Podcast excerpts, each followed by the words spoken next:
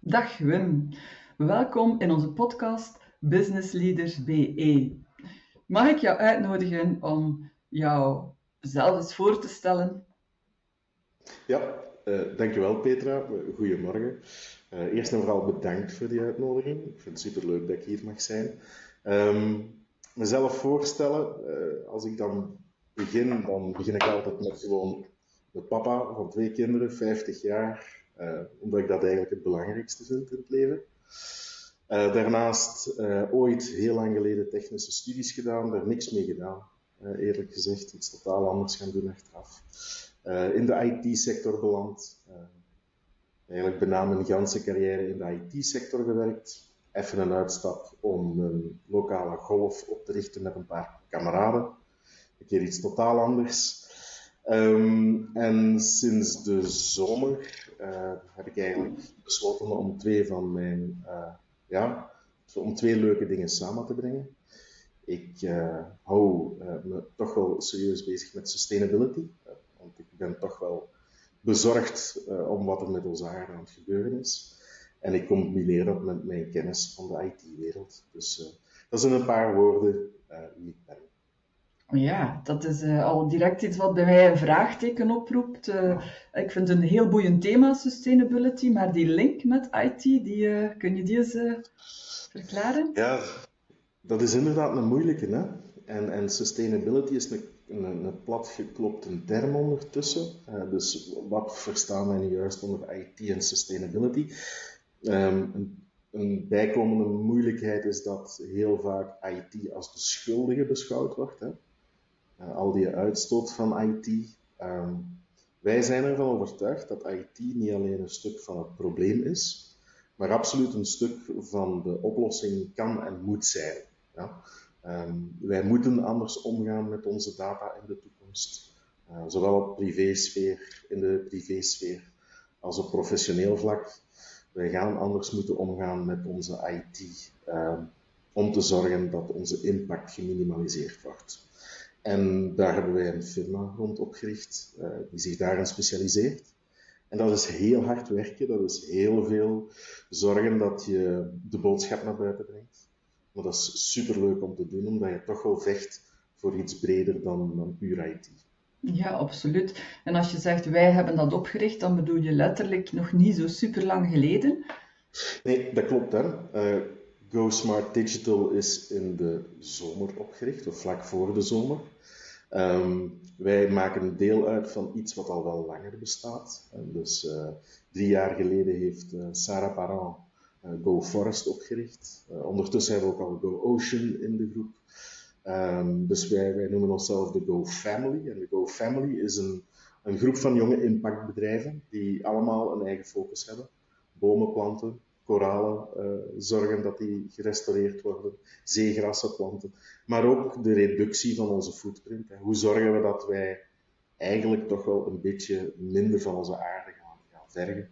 En Go Smart Digital is daar dan gespecialiseerd in de IT-kant. Wat, wat, kan ik me daarbij voorstellen? Gaan jullie dan samenwerken met bedrijven om, om ja, milieuvriendelijkere oplossingen of zo te vinden? Ja, wij werken echt wel op de E, de S en de G. Ja. Um, het belangrijkste is de footprint, hè. dat is heel duidelijk. Maar het gaat breder dan dat. Um, bijvoorbeeld, een heel, heel eenvoudig voorbeeld is rond het, het sociale. Hoe toegankelijk zijn applicaties? voor mensen met een bepaalde beperking, gehoorsbeperking, een zichtsbeperking. Dus het inclusieve naar applicaties toe is ook een deel van Sustainable IT. Uh, dus het gaat heel breed. Het gaat ook over hele eenvoudige dingen van hoeveel e-mails stuur je en pak je daar een attachment aan.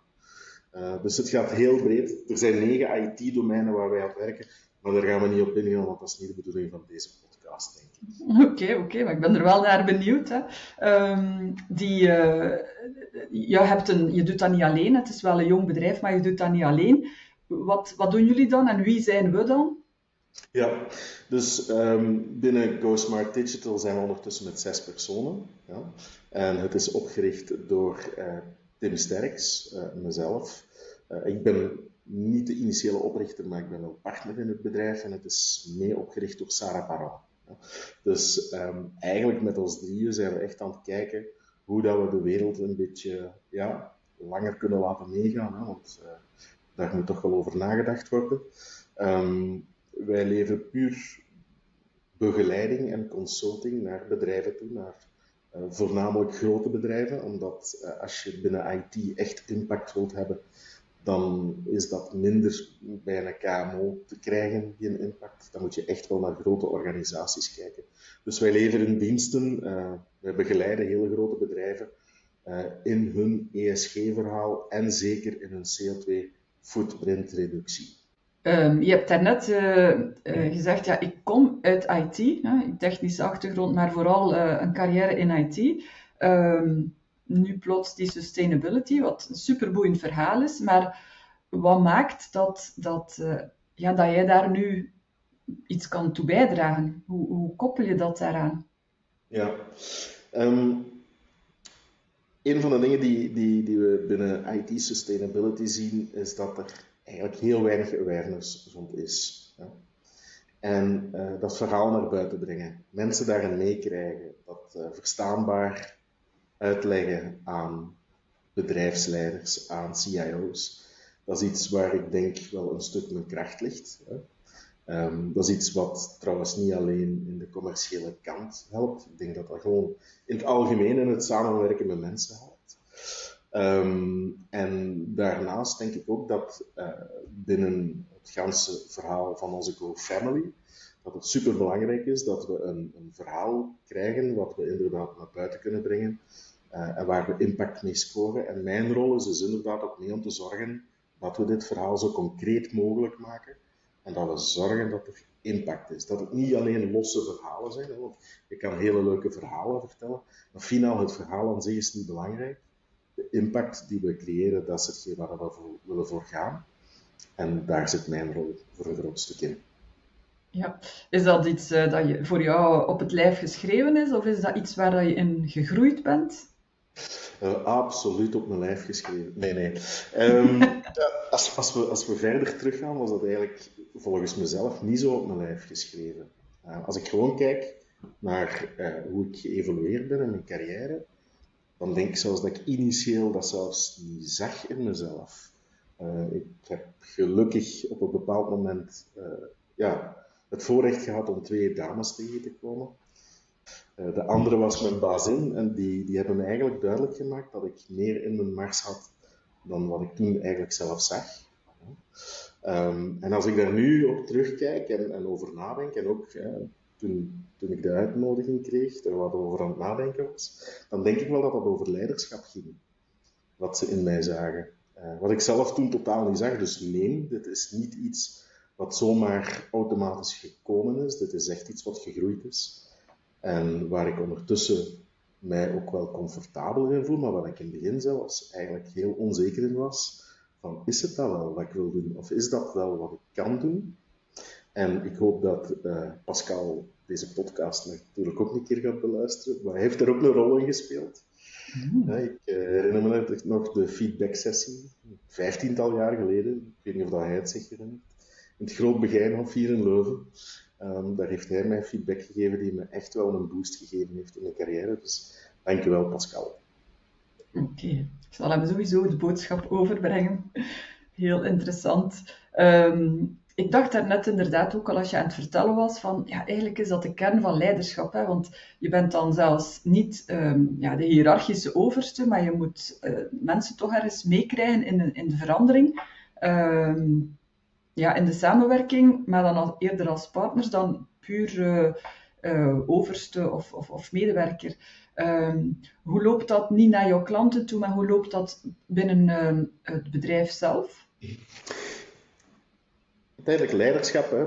het woord leider, um, geeft voor mij ook wel aan dat het heel belangrijk is dat die persoon een, een duidelijke visie heeft en die duidelijk kan communiceren.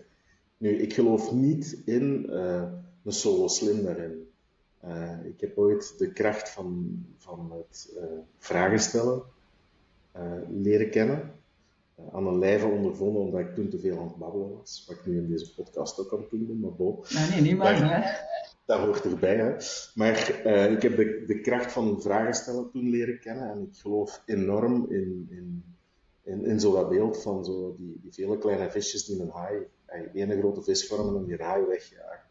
Ik ben er absoluut van overtuigd dat uh, ik zelf uh, een impact kan hebben, maar dat die impact een veelvoud is als je dat in groep kan doen. En um, hoe kan je dat doen of hoe krijg je mensen mee? Dat is volgens mij door um, zeer open, transparante, eerlijke communicatie. Ja. En samen aan een visie te werken en samen die visie te implementeren. En dat samen, dat vind ik wel belangrijk. Ook al ben je misschien hiërarchisch de overste, ik geloof absoluut in de kracht van de groep. Ja, en, en uh, in jullie bedrijf zit die hiërarchie nog niet zo sterk verweven, dacht ik? Nee, we zijn, we zijn een start-up, we zijn klein, we zijn jong, we zijn dynamisch. Uh, er zijn ook hele jonge mensen die rond mij eh, werken. Uh, dat houdt mijzelf ook jong, gelukkig. Maar ik geloof ook niet dat, er, uh, dat wij nu nood hebben aan structuur. we hebben nood aan structuur naar rollen toe en wie welke verantwoordelijkheden neemt, maar totaal niet hiërarchisch of wat dan ook. Ik geloof absoluut dat wij um, dat we de, de grootste resultaten kunnen halen door gewoon sterk en transparant met elkaar samen te werken en open te communiceren.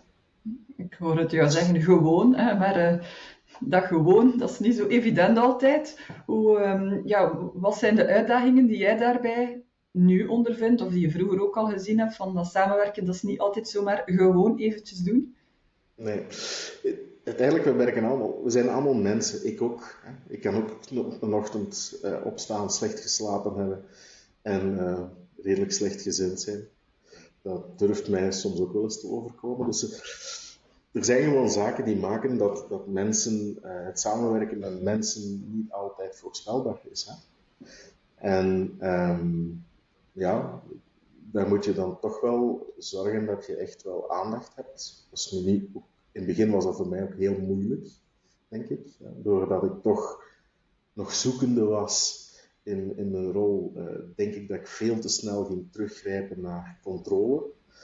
Uh, ik denk die controle loslaten en dat openstaan naar elkaar en open communiceren en openstaan voor elkaars ja, moment, dat dat wel een heel belangrijke is, maar dat maakt het ook wel moeilijk. Uh, en daar is het ook niet altijd even vlot ingelopen. En heb je daar uh, tips voor? Hoe heb je dat ontwikkeld of hoe heb je dat bijgeleerd? Uh, ik heb één keer echt letterlijk door mijn bazin ben ik een keer apart geroepen dat ze zei van Wim, je had groot gelijk, maar je boodschap is niet aangekomen omdat je kwaad geworden bent. Um, dat was, dat was um, een veeg rond mijn oren die ik nooit meer vergeten ben, want dat is ook alweer lang geleden. Maar um, ik denk dat dat heel belangrijk is dat je emoties. Uh, emoties zijn super, uh, zolang als ze positief bijdragen, maar als emoties de overhand nemen, dan gaat het de verkeerde richting uit en dan, dan is het verloren. Um, dat leren, dat denk ik, dat is een heel belangrijke. En voor de rest, inderdaad, weet je, uh, toch accepteren dat, dat dingen ook tijd in beslag nemen, dat is voor mij ook een moeilijke. Het moet altijd snel gaan. Beetje ongeduld in?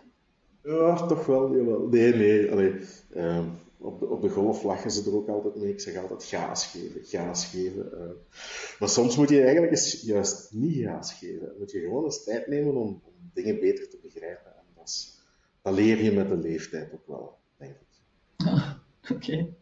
Ja. ja, het is wel uh, een boodschap die, uh, die we bij heel veel bedrijfsleiders ook wel herkennen. en het is heel vaak net dat ongeduld en die gedrevenheid, die zorgt dat, wat jij daarnet zei, aandacht hebben voor wat de ander nu eigenlijk echt zegt en bedoelt.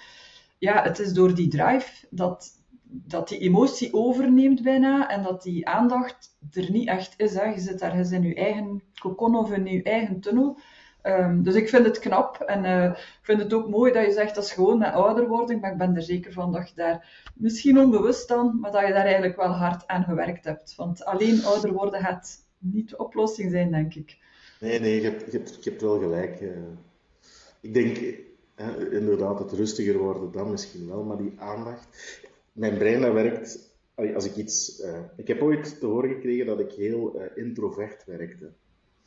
En ik denk dat ik heel extravert ben, maar het ging eigenlijk over het feit dat als ik iets uh, binnenkrijg, een prikkel binnenkrijg, of iets te horen krijg, dan ga ik onmiddellijk daarmee aan de slag, zonder dat ik eigenlijk nog verder luisterde. En daar heb ik heel hard moeten aan werken om dat inderdaad los te laten. Want eigenlijk hoorde ik uh, uh, het eerste stuk van de zin, maar dan was mijn brein al vertrokken. En dat is geen gemakkelijke geweest, eerlijk gezegd, om daar, om daar verandering in te krijgen. Dat is echt wel een, dat is, ja, dat is een opdracht geweest. En ik vecht daar soms nu nog altijd mee. Ja, het is, het is een stuk menselijk natuurlijk. Hè.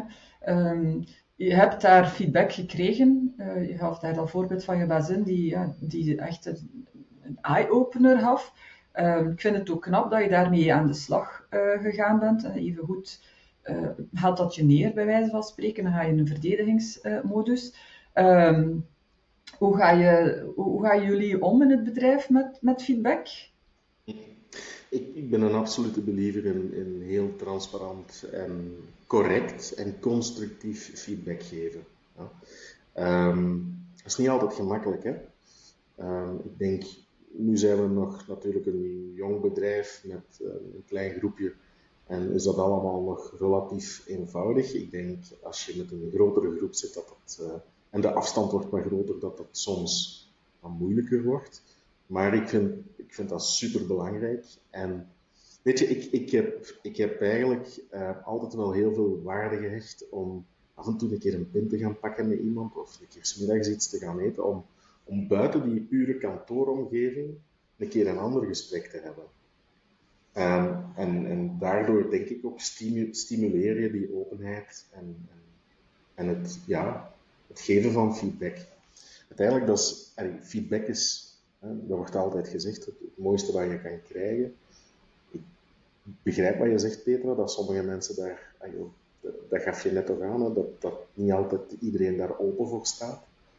Um, dat is een grote fout. Ja. En ook al ben ik het niet eens, want soms krijg ik ook feedback waar ik het niet mee eens ben, het is toch altijd goed om toch eens even na te denken. En soms wint mijn koppigheid dan wel en leg ik het ook wel naast me neer.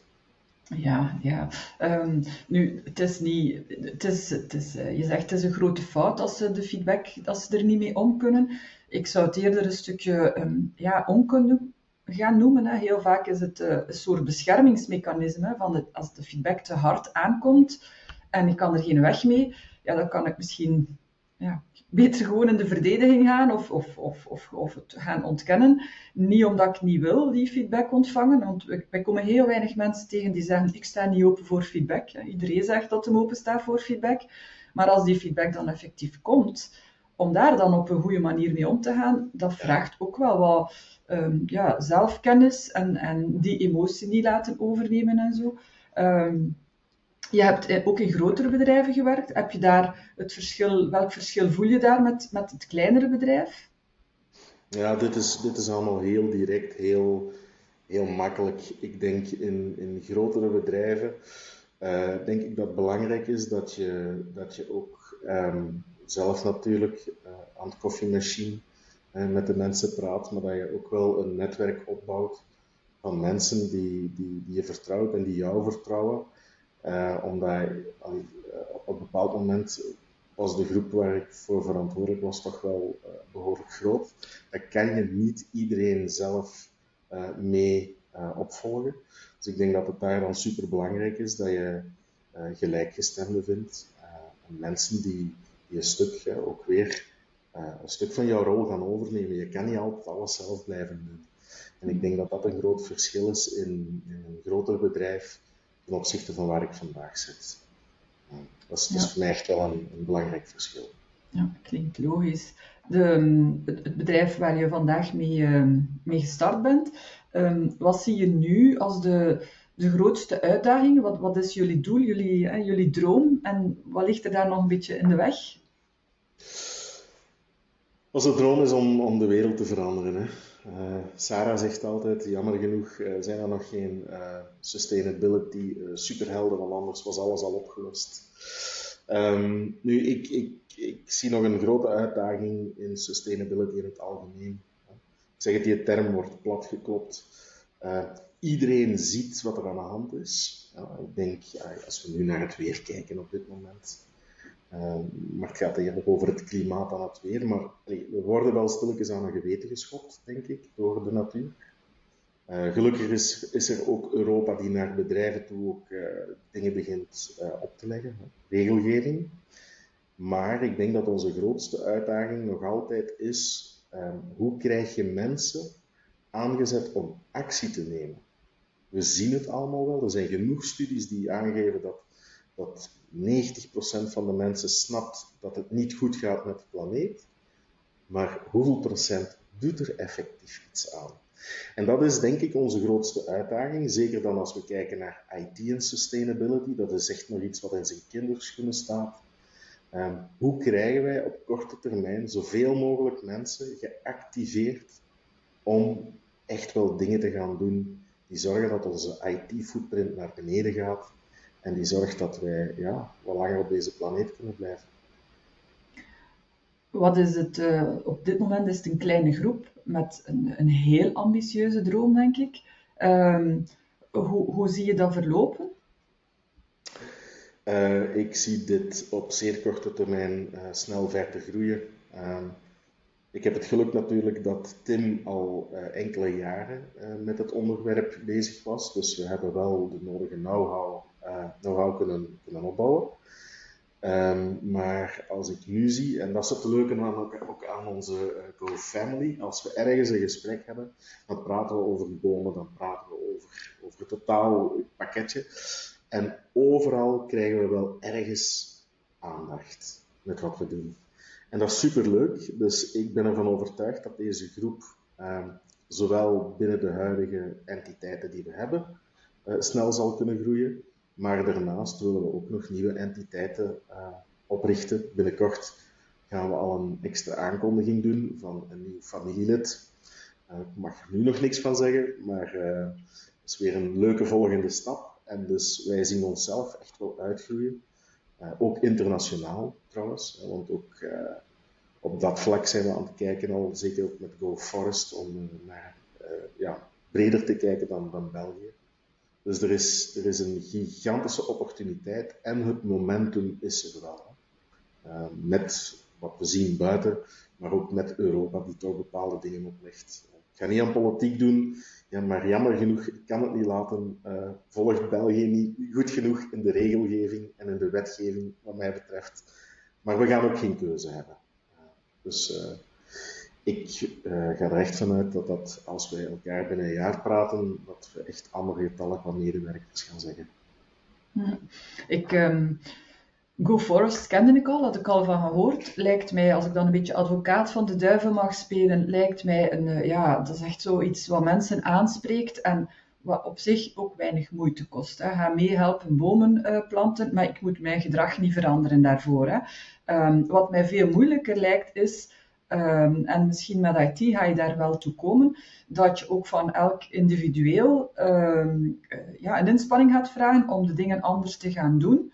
En dat gaat voor mij een pak verder dan ja, dus een, een bos gaan aanplanten, zelfs een bos aankopen misschien. Dat is zo gemakkelijk. Hè? Uh, ik denk dat je daar zou van verschieten. Hè? Dus ik denk een, een, een boom kopen, ja, inderdaad, hè? Dat, is, dat is niet zo moeilijk. Um, maar ik denk wel de strategische keuze maken om give-back acties te doen en op een gestructureerde manier give-back acties te doen. Dat is voor veel bedrijven toch ook nog heel moeilijk, uh, denk ik. Dus daar zou je van verschieten. Um, nu, uh, IT en sustainability die de verandering erin krijgen, dat gaat absoluut een moeilijke zijn. Hè? Dus we zijn ook aan het kijken naar mensen die daar een soort peterschap of meterschap kunnen nemen om om echt de boodschap naar buiten te brengen. En mensen die bekend zijn in de IT, een soort uh, bekende Vlamingen, bekende IT-Vlamingen, om daar de boodschap mee te brengen. Dus um, voor ons is het heel belangrijk dat we die boodschap heel breed en heel vaak brengen. Um, naar, naar een heel breed publiek om algemene awareness te krijgen. Waar focussen wij dan op? Dat is dan inderdaad mensen overtuigen ja, mensen meekrijgen om dan effectief naar die grotere acties te gaan.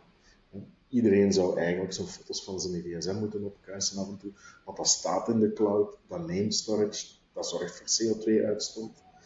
Ehm, daar denk ik dat we naar een algemene awareness moeten werken, maar wij richten ons naar de bedrijven en wij, onze grootste en belangrijkste taak is om die mee te krijgen.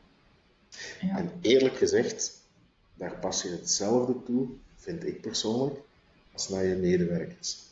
Eerlijk, open, transparant communiceren, uitleggen wat je doet, waarom je het doet, en dat is de manier om ze mee te krijgen.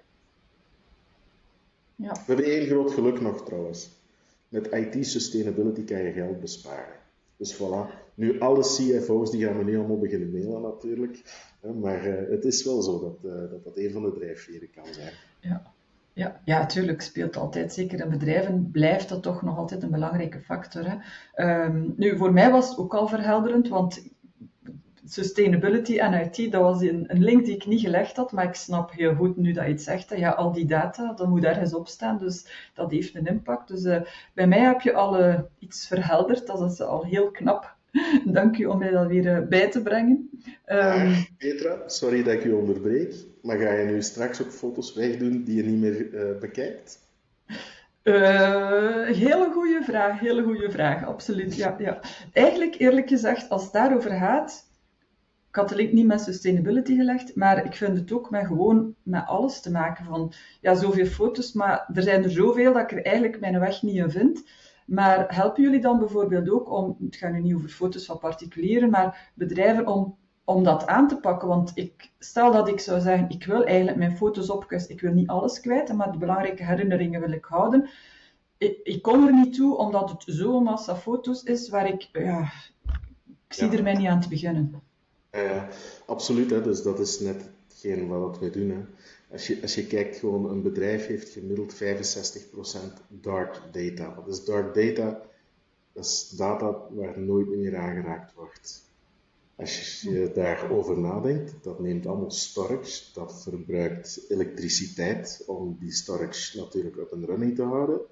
Daar ligt juist de grote winst en het is onze taak om bedrijven te begeleiden met om daar een verbetering in te brengen en zo hun CO2-footprint naar beneden te halen. En vandaar dat ik zeg, hè, die kosten, dat is het leuke, hè. Je storage kost geld. Als je die kan uitzetten, dan bespaar je geld. Dus ja. daar ligt de link voor ons. Maar daar proberen wij dus inderdaad als organisatie uh, heel fel uh, te werken naar die concrete acties. En wij gaan het zelf niet doen.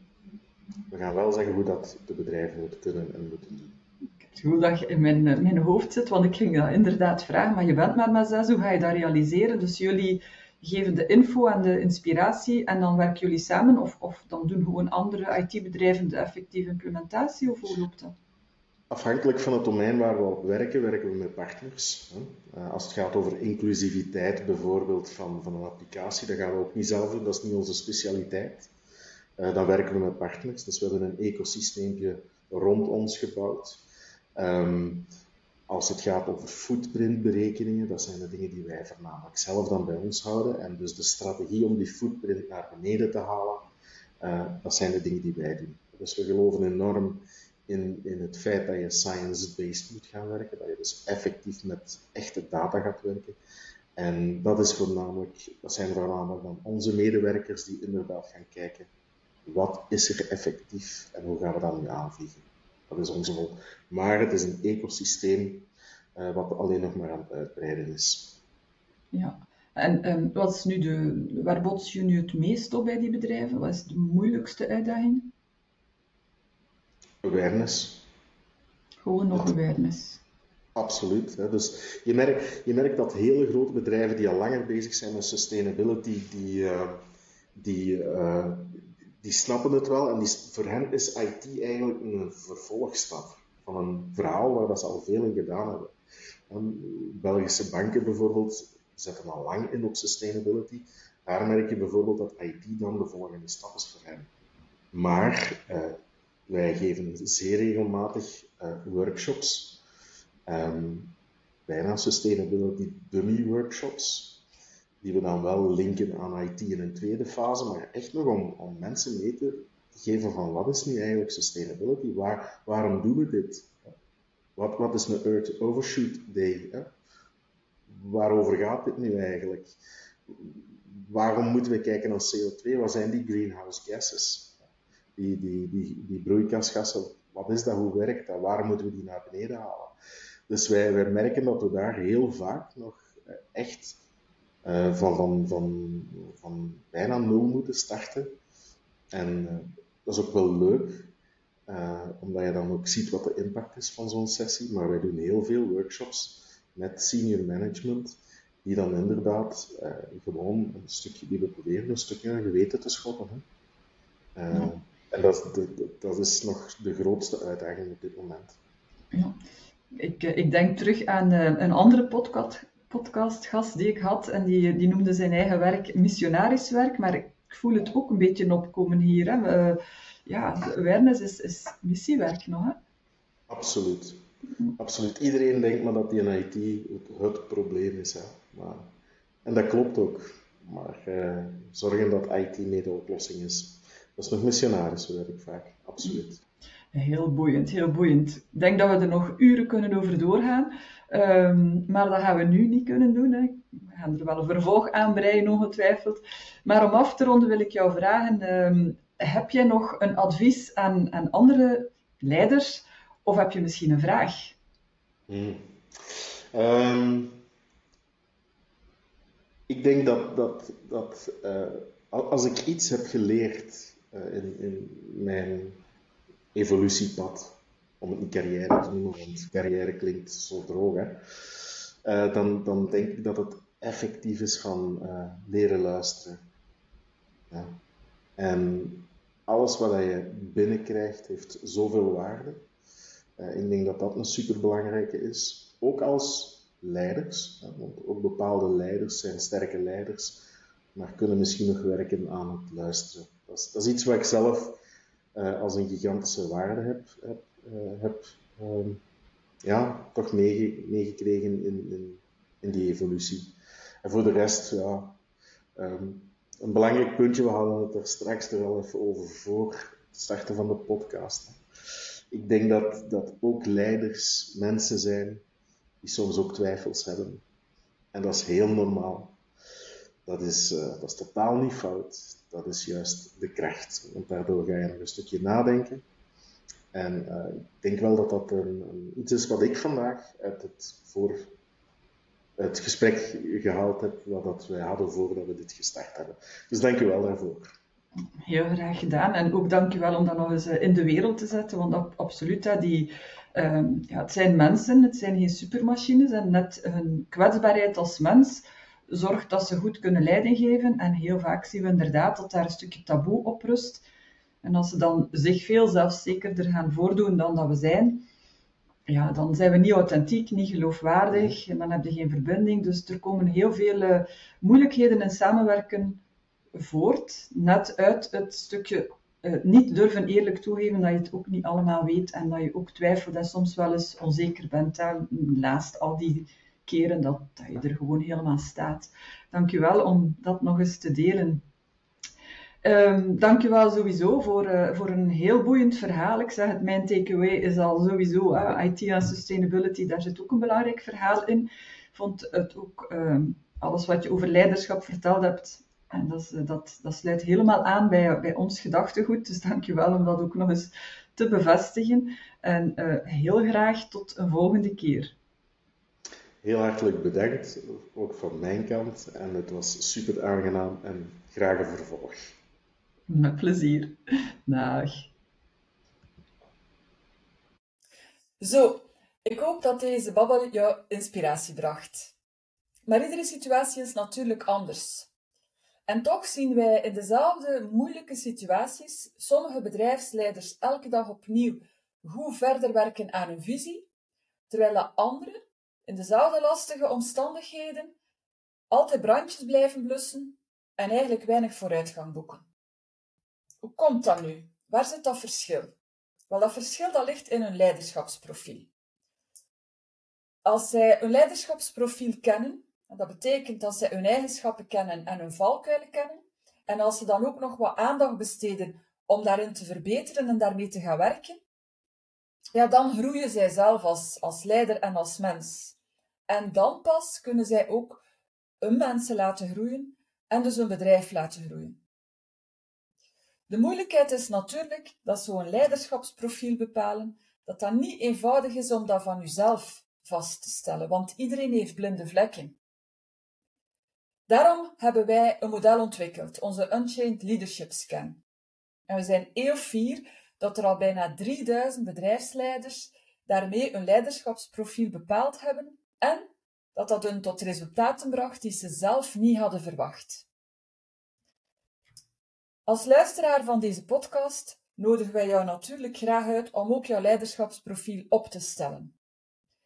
En in onze masterclass gaan we dan aan de hand van jouw leiderschapsprofiel gaan kijken hoe dat je die inzichten kan vertalen naar concrete groei en concrete acties, zodanig dat je met je bedrijf en je team samen verder kan groeien. Ga daarvoor naar intentive.be slash masterclass. Ik herhaal intentive.be slash masterclass. Dankjewel en tot gauw!